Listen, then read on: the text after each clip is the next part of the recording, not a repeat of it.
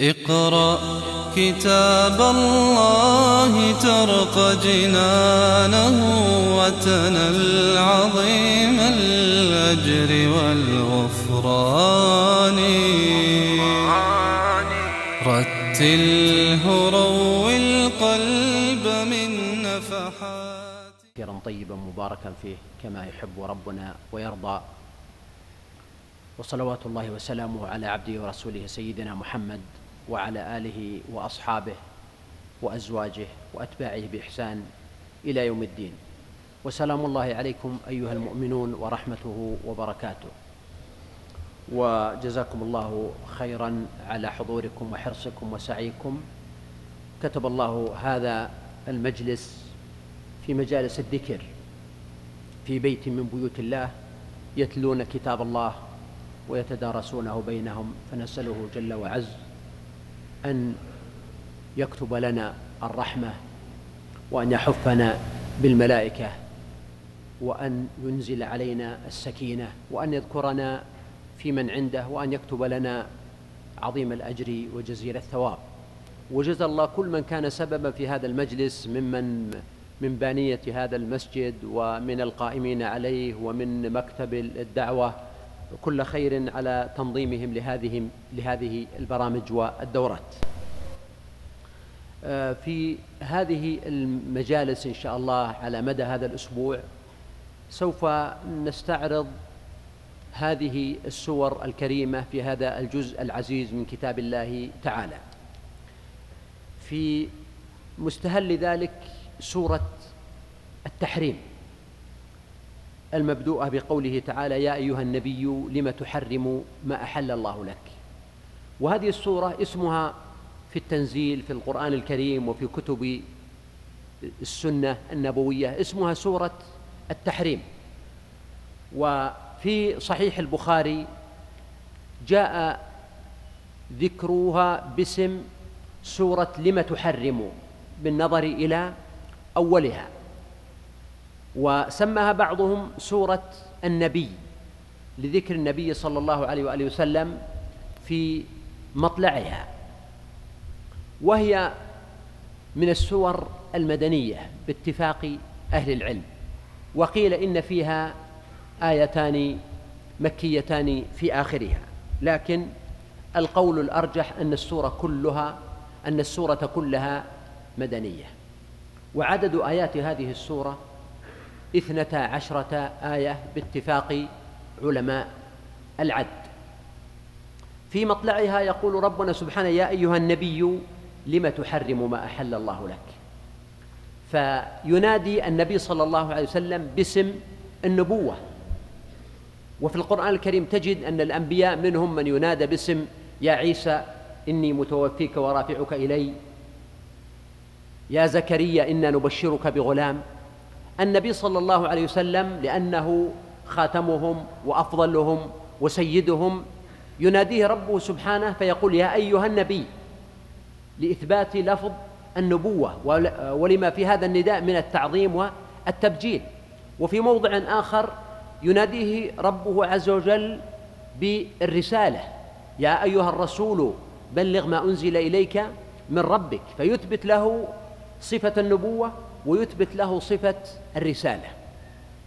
والفرق بينهما على القول المختار أن النبي هو من أوحي إليه بشرع هو من من نبئ من نزلت عليه النبوة ولم يوحى إليه بشرع جديد. أما الرسول فقد أوحي إليه بشريعة جديدة ولهذا مثلا موسى رسول لأنه جاء بشريعة جديدة وهكذا أولو العزم وغيرهم جاءوا بشرائع جديدة فهم أنبياء وهم رسل أيضا عليهم الصلاة والسلام. لكن قد يكون في بني إسرائيل أو في غيرهم من الأمم أنبياء جاءوا مجددين لشريعة النبي الذي قبلهم من دون أن يأتوا بشريعة جديدة فهؤلاء يسمون أنبياء ولا يسمون رسلا. فهو هنا سبحانه يبدأ بقوله يا أيها النبي وفي ذلك التفات ولا شك أن مناداة النبي صلى الله عليه وآله وسلم هي مناداة لمن وراءه فهو قائد هذه الأمة وسيدها فإذا نودي فقد نوديت الأمة كلها ولهذا الأصل أن ما خطب به النبي عليه الصلاة والسلام يخاطب به غيره وما ثبت له من الأحكام يثبت لغيره إلا إذا دل دليل على استثنائه. فهو هنا يقول يا أيها النبي لم تحرم ما أحل الله لك؟ لاحظ البداية تبجيل وإثبات اسم النبوة انتقلت إلى نوع من العتاب. لما لماذا تحرم ما أحل الله لك؟ يعني هذا فيه نوع من النهي أي لا تحرم ما أحل الله لك أو لا يوجد ما يدعو إلى أن تحرم ما أحل الله لك.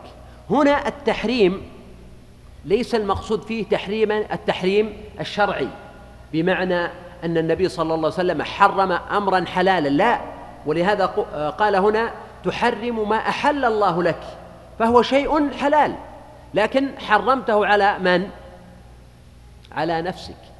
كما قال ربنا سبحانه كل الطعام كان حلا لبني إسرائيل إلا ما حرم إسرائيل على نفسه من قبل أن تنزل التوراة.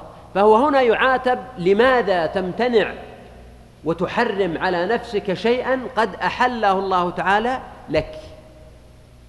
ما هو هذا الشيء؟ اللطيف أن هذا الشيء هو كان عبارة عن عسل على القول المختار وهو الحديث الذي جاء في الصحيحين. عن عائشة رضي الله عنها وعن غيرها. النبي صلى الله عليه وسلم كان يدخل عند زينب فيشرب عندها عسلا. فعلمت بذلك عائشة وعلمت به حفصة وعلمت به سودة فاتفقوا على خطة إنه اية واحدة منهن دخل عليها النبي صلى الله عليه وآله وسلم تبادره وتقول له عندك رائحة يعني أنت أكلت مغافير المغافير نوع من الصمغ. وفي ريحة. والنبي صلى الله عليه وسلم يكره أن توجد فيه الرائحة شديد الحساسية لطيب رائحته عليه الصلاة والسلام. فلما دخل النبي صلى الله عليه وسلم على سودة وقد أعطيت التعليمات من السيدة عائشة رضي الله عنها والمجموعة وتم ترتيب الموقف في إحكام. لما دخل على سودة تقول سودة من شدة الحماس هممت أن أقول له وهو بعيد حتى قبل أن يعني يقترب مني لأشم رائحته. فرقا منك وخوفا منك ومراعاة لك. فلما اقترب منها قالت له يا رسول الله أكلت مغافير؟ قال لا شربت عسلا عند زينب. فخرج قالت إذا هذا العسل قد جرست نحله العرفط. إذا النحل هذه نحل العسل أكلت نوعا من النبت المعروف في الصحراء الذي يشبه أن يوجد في هذه الريحة. وذهب إلى عائشة فقالت له مثل ذلك. ذهب إلى حفصة فقالت له مثل ذلك. فقال بأبي هو وأمي صلى الله عليه وآله وسلم شربت عسلا عند زينب ولن أعود. فتركه وحرم أن يأكله على هذه الرواية. فقالت سودة لقد حرمناه شعرت ب يعني شيء من الحزن. حرمنا النبي صلى الله عليه وآله وسلم من شيء يحبه. فهمزتها عائشة رضي الله عنها وقالت لها اسكتي دع الأمر يمر على ما هو عليه. فهذا هو أقرب ما يكون في تحريم النبي صلى الله عليه وسلم ما أحل الله تعالى له وهو العسل. لم تحرم ما أحل الله لك؟ ثم قال سبحانه تبتغي مرضاة أزواجك بترك هذا العسل لأن أمهات المؤمنين وجدن في نفوسهن أن يبقى النبي صلى الله عليه وسلم فترة أطول في بيت زينب يشرب هذا العسل. فهنا في نوع من مراعاة الأزواج وطلب مرضاتهن. لكن مخاطبة الله للنبي صلى الله عليه وسلم بقوله تبتغي مرضاة أزواجك. هذا جزء من العتاب ولكن فيه نوع من تخفيف العتاب لأنه فعل ذلك لغرض مشروع في الأصل وهو أن يحرص على مرضاة أزواجه. إذا كان سيدنا محمد صلى الله عليه وسلم يسجل الله تعالى عنه ويسجل له حرصه على مرضاة أزواجه حتى إنه يترك شيئا يحبه وكان أحب الطعام إليه الحلوى والعسل من أجل مرضاتهن. فهذا فيه تعويد ودعوة للناس أن يسعوا إلى مرضاة أزواجهم.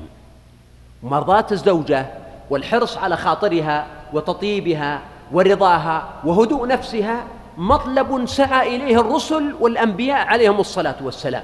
وسجل الله تعالى هذا في كتابه العزيز. فما يبعد أن يكون الكبار والملوك والرؤساء والتجار والسادة والعظماء والشرفاء والأولياء يكون عندهم حرص على مرضاة أزواجهم. حرصا على سكينة البيت حرصا على تحقيق معنى السعادة الزوجية حرصا على تطيب قلب امرأة ارتبطت بك تحقيقا لمعنى الإحسان حفاظا على قارب الزوجية من أن يغرق تطيبا لقلوب الأبناء والبنات الذين هم شركاء في هذا العش. فكل هذه المعاني تجعل أن مرضاة الأزواج والسعي إليها مطلب شريف ولنا أن نقتدي بالرسول صلى الله عليه وآله وسلم في مرضاة أزواجنا من دون أن نحرم ما أحل الله لنا. وقال أزواجك. الأزواج جمع زوج وهو يطلق على الذكر وعلى الأنثى. وأيضا قد تسمى المرأة زوجة فأيهما أفصح وأحسن؟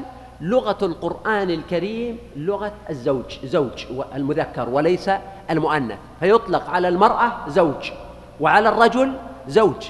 كما في قوله سبحانه أمسك عليك زوجك واتق الله. وقال هنا تبتغي مرضات أزواجك. إن أحللنا لك أزواجك اللاتي آتيت أجورهن كما في سورة النور وكما في سورة الأحزاب وكما في سورة النساء وكما في هذه السورة. وتسمية المرأة زوجا والرجل زوجا في معنى التكافؤ. في معنى التكافؤ. وهذا هو الأصل أن الرجل والمرأة كلاهما على قدم المساواة. كما قال الله سبحانه أني لا أضيع عمل عامل منكم من ذكر أو أنثى. بعضكم من بعض. في الجاهلية كانوا يزدرون المرأة فجاء الإسلام ليغير هذا المفهوم وليبين أن المرأة تخاطب مثل ما يخاطب الرجل حتى قال سبحانه إن المسلمين والمسلمات والمؤمنين والمؤمنات إلى آخر الآية.